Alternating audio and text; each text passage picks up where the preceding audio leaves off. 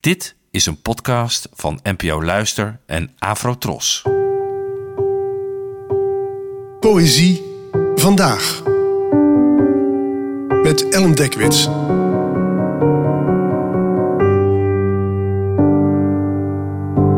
Hallo, fijn dat je luistert.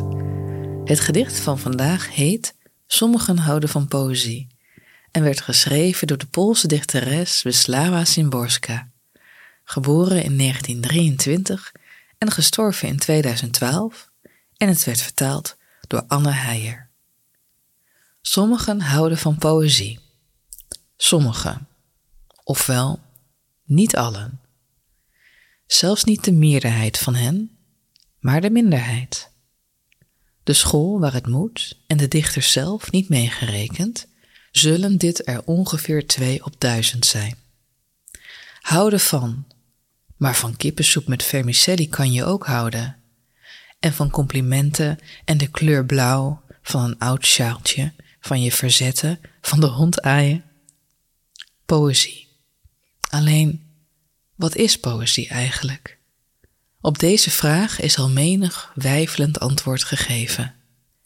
Maar ik weet het niet, en daaraan houd ik me vast als aan een reddende leuning. Wisława Szymborska, beroemde Nobelprijswinnares, schreef gedichten in een tijd waarin Polen nog deel uitmaakte van de Sovjet-Unie.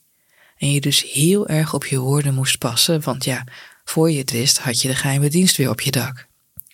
En wat ik zo knap vind aan haar werk is dat het desondanks een lichtvoetigheid heeft die niet schrijnt. In dit vers staat bijvoorbeeld de vraag centraal hoe je van poëzie kan houden.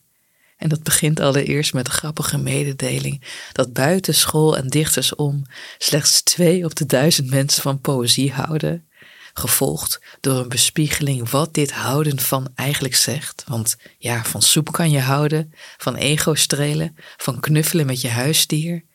En het besluit met de vraag wat poëzie is en wat het houden daarvan nou eigenlijk betekent. En uiteindelijk besluit de dichteres dat het juist bij poëzie gaat om niet weten, waarmee ze denk ik bedoelt dat dat juist de schoonheid ervan is, het niet voorspelbare, het niet van buitenaf opgelegde. Het telkens weer verrassende, het besef dat er steeds meer is om te ontdekken, om om te lachen, om over na te denken en om uiteindelijk van te houden.